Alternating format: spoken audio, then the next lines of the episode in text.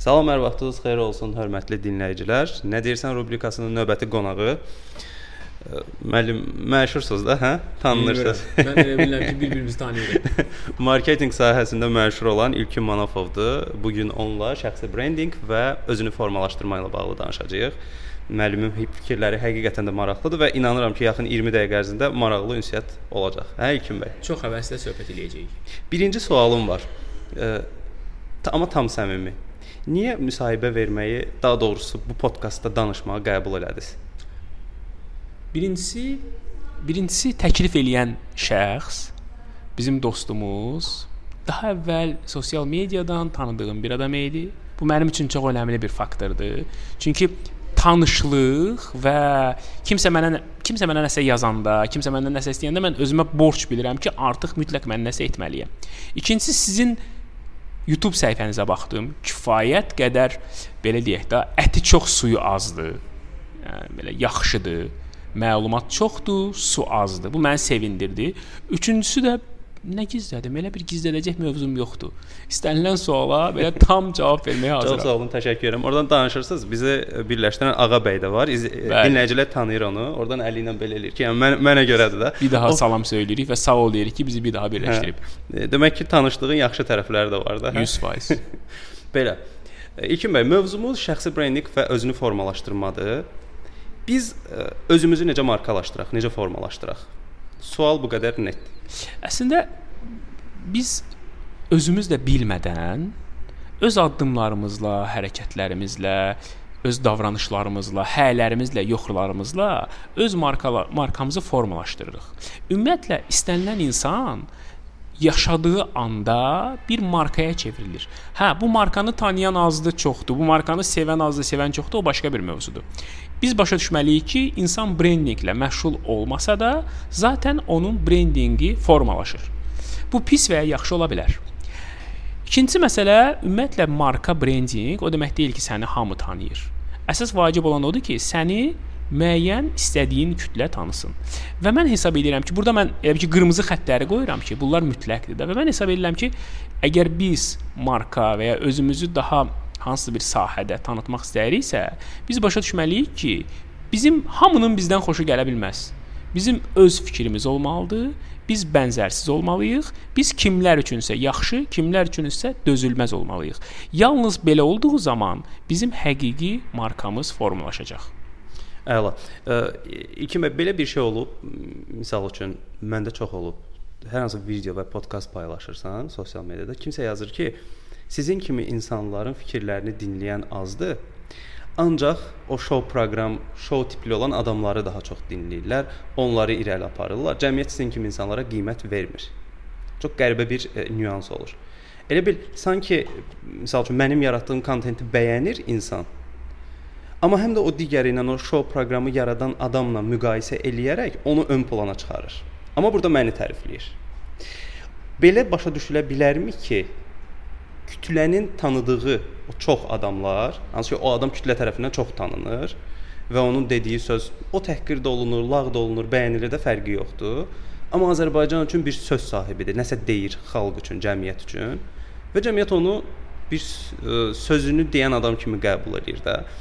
O da deyir məsələn, mən də deyirəm. Onun məndən daha üstün olduğunu şərti olaraq mən deyirəm və marka olduğunu demək olar yoxsa yox?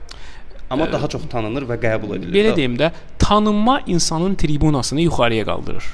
Bizi daha çox insan tanıdıqca bizim səsimizi daha çox insan eşidir və ya dolayı yolla səni nə qədər çox tanıyırlarsa, sənin sənin yerləşdiyin nöqtə bir o qədər hündürdədir.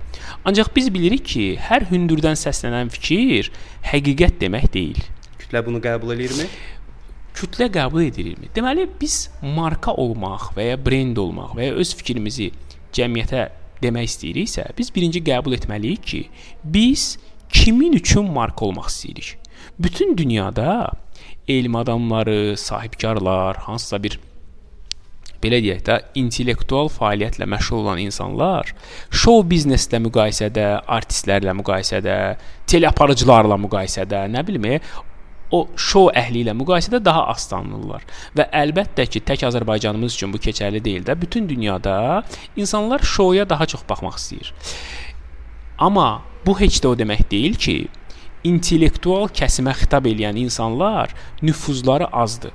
Mən sizə bir söz deyim. Bəzən sənin səni tanıyan 3 nəfər e, cəmiyyət üçün elə bir addımlar ata bilər ki, o böyük-böyük kütləyə deyilən sözlərdən daha vacib ola bilər. Mən hesab edirəm ki, bu işdə keyfiyyət kəmiyyətdən üstündür. Mən hesab edirəm ki, e, insan müəyyən bir cəmiyyətdə, qrupda, müəyyən bir kütlə ərzində tanınırsa və onun sözləri həqiqətən də digər onun bir öz fikri varsa, bu öz-özlüyündə əladır və hörmətə layiqdir. Mən sizə bir söz deyim. Axı bizim niyə tanınma hədəfimiz olmalıdır? Axı bizim niyə e, cəmiyyətə hansısa bir bütün kütləyə eyni sözü çatdırmaq olmalıdır? Bəzən az daha yaxşı olur. Qəşəng. O zaman belə demək olar ki, müəllim, markalaşmaq nə qədər çox insan tərəfindən tanınmaq yox, sənin müəyyənləşdirdiyin hədəf kütlə tərəfindən qəbul edilmək və hörmət edilməkdir. Hədəf kütlə sözü qızıl sözdür. Sovet dövründə bir marka var idi. Ən çox tanınan avtomobil markası. Bu Zaporojets idi. Zaporojesi 11 respublikada, 15 respublikada hamıdan çox tanıyırlardı. Ancaq ikinci sual veriləndə ki, siz Zaporojes zapı almaq istəyərdinizmi? Hamı yox deyirdi. Hamı tərəfindən tanınma heç də o demək deyil ki, sən markasan, sən fikir sahibisən, sən söz sahibisən.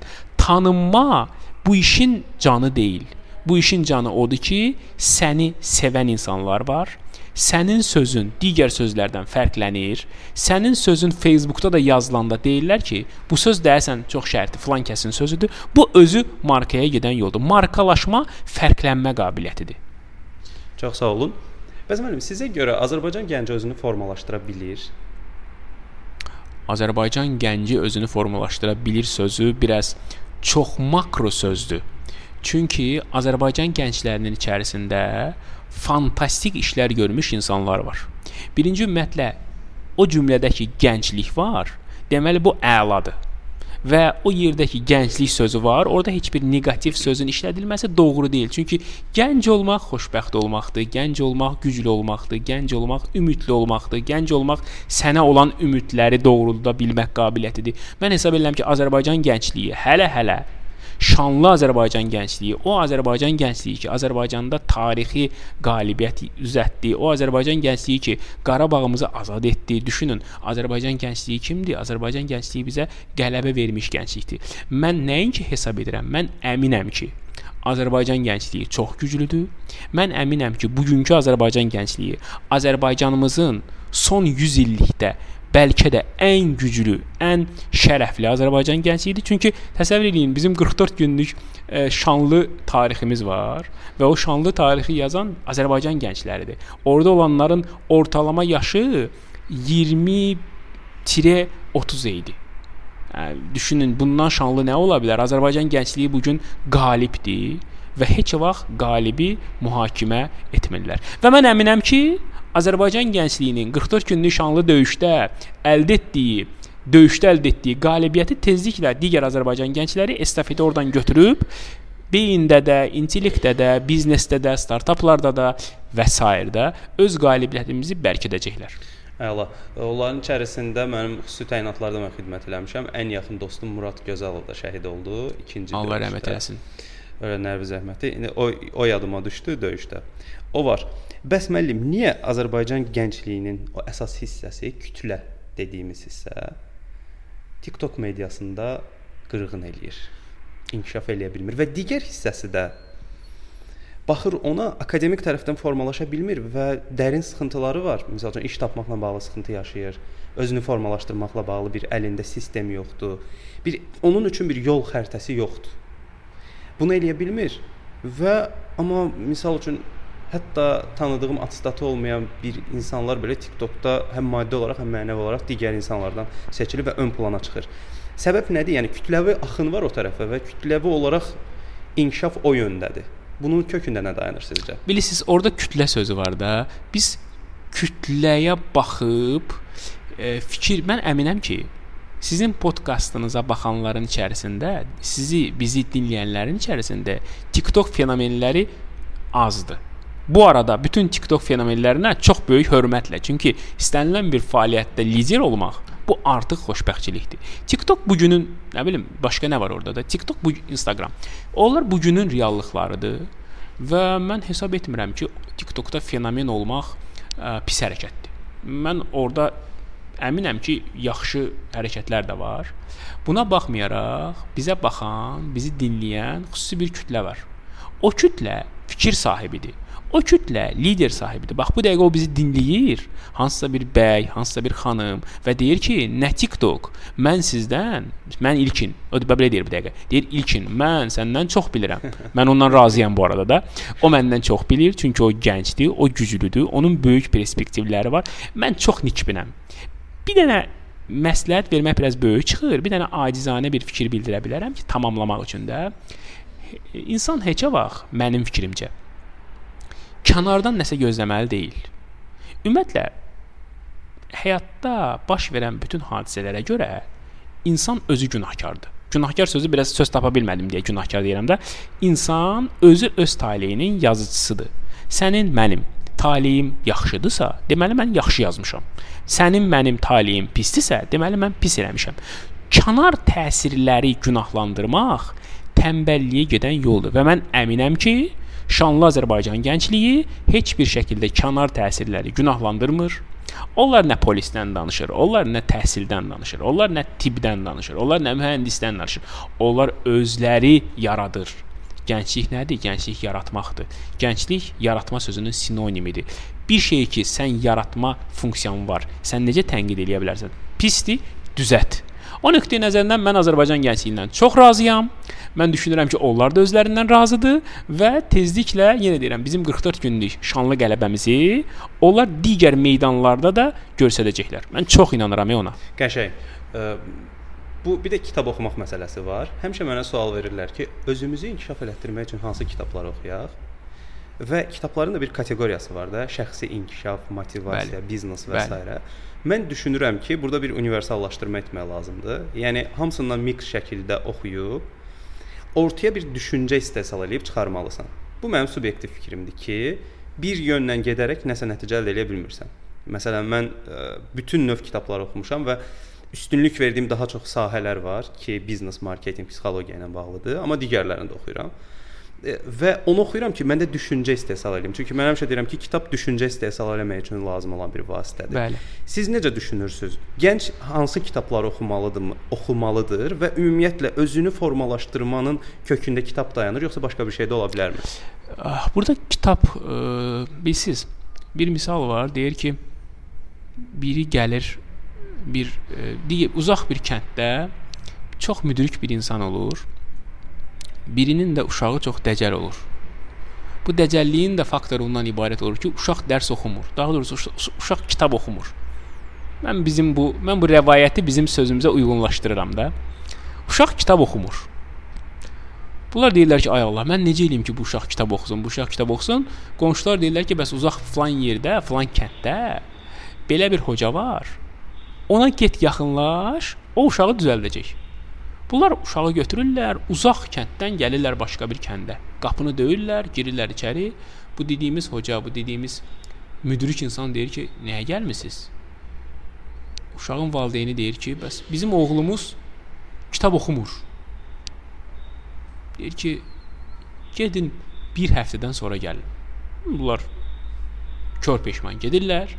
Bir həftə keçir. Uşaq gəlir, bunlar qapını açırlar. Bunlar deyirlər ki, hə, Biz gəlmişik. Müdrik insan diqqətlə övladına, həmin oğlana baxır, deyir ki, oğul, kitab oxu. Bunlar gözləyirlər ki, başqa nə deyəcək, görür heç nə demirlər. Elə bir dənə deyir, oğul, kitab oxu. O uşaq baxır buna, deyir ki, yaxşı. Atası uşaq çölə çıxandan sonra müdrik kişidən soruşur ki, sən bir dənə cümlə dedin də, oğul kitab oxu. Sən bunu bir həftəyə görə bizi niyə ləngitdin? Elə bir həftə əvvəl deyərdin də. Deyir ki, mən özüm kitab oxumuram. Mən özüm oxumadığım şeyi başqa bir uşağa tövsiyə verə bilmərəm. Kiməsə tövsiyə bilə, verə bilmərəm. İndi çox əziz dost. Mən sizdən nə gizlədim? Son 3 ildə mən kitab oxumuram. Mən kitab əvəzinə məlumatı YouTube-dan götürürəm. Mən kitab əvəzinə məlumatı özümün oxuduğum internet resurslar var, onlardan götürürəm və kitab oxumağa həvəsim yoxdur. Mənim hesab mən hesab edirəm ki, 21-ci əsrdə kitab oxumaq, kitab bir informasiya əldə etmək resursu kimi öz aktuallığını əvvəlki qədər saxlamayıbdı. Kitabı yalnız biz hansısa bir nəzmə üçün ekonometriyanı kitabda oxumaq olar, economics-i kitabdan oxumaq olar, marketinqin əsaslarını kitabdan oxumaq olar. Vəsə. Bundan sonra insan məlumatı yaşayaraq, insan məlumatı görərək və insan məlumatı bloqlardan, YouTube-lardan əldə etməlidir. Mən hesab edirəm ki, Azərbaycan gəncliyi də nəzəri bilikləri əldə etdikdən sonra informasiyanı informasiya qaynağını kitabdan deyil, sosial mediadan, düzgün TikTok səhifələrindən hətta baxsa daha faydalı olar. Bu arada məndə 20 min, 19500 izləyicim var TikTokda. Ay maşallah. Çox əla. Mənə də tənqid edici rəylər yazırlar. Ən çox yazılan rəy olur ki, qardaş sənin keçəlin mənim gələcəyimdən parlaqdır. Yəni rey yazma səviyyəsi elədir də müəllim orada. Varsa siz TikTokda? TikTokda varam. Ə, girif mutfaqçının səhifəsinə baxıram. Hə. Ki görüm hə, necə mutfaq, postlar paylaşırlar. Mutfaqçı var orada. Mutfaqçı var. Mən özüm də varam. Girif mutfaqçıya baxıram. Hə. Yaxşı rəylər yazırlar inanırsız baxmıram heç. Elə baxıram ki, necə reaksiyalar Hı. var və s. rəyləri oxumuram. Hı. Ə, Hə, ağa məşhurdur bu arada TikTokda, hə ağa. Çoxlu postlar paylaşır. Hə, Çox ə, yəni müəllim, qısa desək belə də informasiya əldə edə biləcəyimiz hər yer bizim inkişafımıza bizim səbəb ola bilər. Bəli. Əsas məsələ informasiyanı necə əldə edə biləcəyimi formalaşdırmaqdır. Çox düzgündür. Hə? Bir də burada çox kritik bir nöqtə var informasiyanın əldə edilməyindən çox informasiyanın emal edilməsi önəmlidir. Vacib o deyil sizin beyninizdə çoxlu informasiya var. Vacib odur ki, bu informasiya sizə nə qədər e, faydalıdır. Bu faydalılıq faktoru da emal edilmə sürəti ilə düz düz mütənasibdir. Hı -hı. İnsan o qədər informasiya başına qoymalıdır ki, nə qədər onun emal etməyə gücü çatır. Mən hesab edirəm ki, müasir dövrdə bəzən kitab oxumaqdan çox kitab oxumamaq insana fayda verir. Çünki informasiyanın azlığı sənin yolunu döndərmir. Ən düzgün yol özünün bildiyin yoldur və mən əminəm ki, bizi dinləyən şəxslər kifayət qədər öz yollarını bilən insanlardılar. Onda ə, indi orada bir dənə məsələ var da, kitab oxumamaq məsələsi. Bəli. Onda demək olar ki, ə, oxumayın kitab, ehtiyac yoxdur. Ə, ümumiyyətlə universal və ya radikal məsləhət vermək çox qəlizdir də. Necə mən o sözü deyə bilmərəm, nə də mən deyə bilmərəm ki, kitab oxuyun. Mən kitab oxumayın demirəm, amma gedin təcili kitab oxuyun, onu da demirəm. Baxın, mənim qızımın Allah saxlasın. Allah sizinkilərin də canını sağ eləsin. Mənim qızım 7-ci sinifdə oxuyur və mən onun e, inkişafını gözümün önündə görürəm, böyüməyini görürəm. Və mən görürəm ki, müasir Azərbaycan gəncliyi düzdür TikTokda olsa da bəzi şeylərdə bizim onlardan öyrənəcək çox şeylərimiz var. Və mən hesab edirəm ki, böyük qızımın 7-də oxuyur, balaca oğlum 4-də oxuyur, başqa bir qızım var, 4 4 yaşı var. İnanırsız bəzən onlar məndən çox mən onlardan öyrənirəm. Çünki onlar həyatın təzə trendlərini elə yaxşı başa düşürlər. Çünki onların həyatı o trendlərin üzərində qurulubdu. Bizim üçün TikTok yad məhsul kimi gəlir. Onlar TikTokla böyüyüblər. O nöqteyi nəzərindən mən düşünürəm ki, kitab oxuma da demək səhvdir. Amma mütləq kitab oxuyun və ya e, nə bilim, gələcək kitabda da o da səhvdir. İnformasiya sənə lazım olduğu zaman biliyə çevrilir. İnformasiyadansa bilik önəmlidir. Çoxlu informasiya qəbul etmək heç də çoxlu bilik əldə etmək sözünə sinonim deyil. Əla. Belə bir məsələ var. Mənim bacım qızının, iki bacım qızı var, balacasının. Allah saxlasın. Çox sağ olun. 8 yaşı var, 9 yaşı Aylin. Keçən dəfə onları aparmışam gəzməyə. Yolla gedirik, deyir, anası deyib ki, dondurma alma. Mən deyirəm ki, Aylin, ana dedi ki, dondurma almayım da. Deyir ki, day day, sən çubuqlu dondurma al. Mən ana mənə desə, deyəcəm ki, ana, Allah haqqı daydayın plan 1 almayıb. 9 yaşı var ha uşaq Bəli. beynin. Bəli. Mən də indiki ixtisasım sosial psixologiyadır. Mən Bəli. analiz edirəm ki, o o yaşda o düşüncəni necə yaratdı necə elədi? O bir mənə bir e, ritorik tərəfdən bir önəm verdi. Bu bunu necə formalaşdırıb Bəli. beynində və həqiqətən də önəmli bir şeydir. Hansı ki o uşaqla da qadağa ilə böyüyür da. O deyirlər bunu eləmə uşağa bu olar, bu olmaz və s. Çox əladır. Və bir də tam səmimi bir şey deyim. Tam səmimi deyim. Həyatımda gördüyüm 3-cü insansınız ki, Azərbaycanlı. Deyirsiniz ki, məsləhət vermirəm. Çox qəşəng bir şeydir o. Çünki bizdə biraz yaşı çox olan, biraz təcrübəsi, biraz da tanınan Biraz da pulu olan adamlar həmişə məsləhət verməyi xoşlayırlar axı ki, bala bunu elə, bunu eləmək lazımdır bunu. Amma çox qəşəngdir. Nə yaxşı məsləhət verməyi xoşlamırsınız. Maraqlı gəldi mənə. Niyə xoşlamırsan? Niyə məsləhət vermirsən? Birinci zarafat eləyim. e, deyir ki, insan heç nə əlindən gələ bilməyəndə, insanın əlindən heç nə gəlməyəndə ən yaxşı şey məsləhət verməkdir. Mən düşünürəm ki, hələ mənim məsləhət verən dövrüm deyil. Hə, olacaq. Bu zarafatdır. Bəli, zarafatdır. İkincisi də ki, bilirsiniz, bayaq biz marketinqdən, bayaq biz segmentasiyadan danışdıq. Məsləhət vermək üçün e, insanoğlu hazır olmur. Hər bir insanın öz həqiqətləri var. Bax hamının da hər birimizin özünə görə həqiqəti var. Biz onun həqiqətini bilmirik deyə biz ancaq öz təcrübəmiz əsasında keçmişdə olanları ekstrapolyasiya edirik. Riyaziyyatda belə bir termin var, ekstrapolyasiya. Yəni keçmiş təcrübənin əsasında gələcək haqqında fikir yürütmə. Bugünkü məsləhət nə deməkdir? Sən keçmişdə gördüyünü gələcəyə uyğunlaşdırırsan. Amma gələcək təkrarlanmır. Gələcək unikaldır. O nöqteyi nəzərdən sənin doğruların bir mənalı şəkildə məsləhət vermək istədiyin insanın doğruları ilə bir deyil. Sənin getdiyin yolla o birisinin yolu bir deyil. Sənin geyiminlə o birisi geyimi bir deyil. İnsan unikal varlıqdır. Unikal varlıq olduğu olduğu üçün sən ona ən yaxşı halda öz başına gələnləri danışa bilərsən və bu da heç bir şəkildə dəlalət etmir ki, sənin başına gələnlər onun da başına gələcək. O nöqteyi nəzərdən məsləhət vermək sadəcə gülüncdür. İnanın mənə. Çünki e, o bir söz var, deyir ki, məsləhətli don gen olur. Yəni o sözün altında məsləhətə təhqir var da. Gen don kimin nəyinə lazımdır ki, insanlara öz əyninə gələn don lazımdır. Ən gözəl paltar hansı paltardır? Əyninə olan. Əyninə olan. Gen paltar kimə lazımdır? Gen paltar bilirsiniz nə deməkdir? Yola vermək.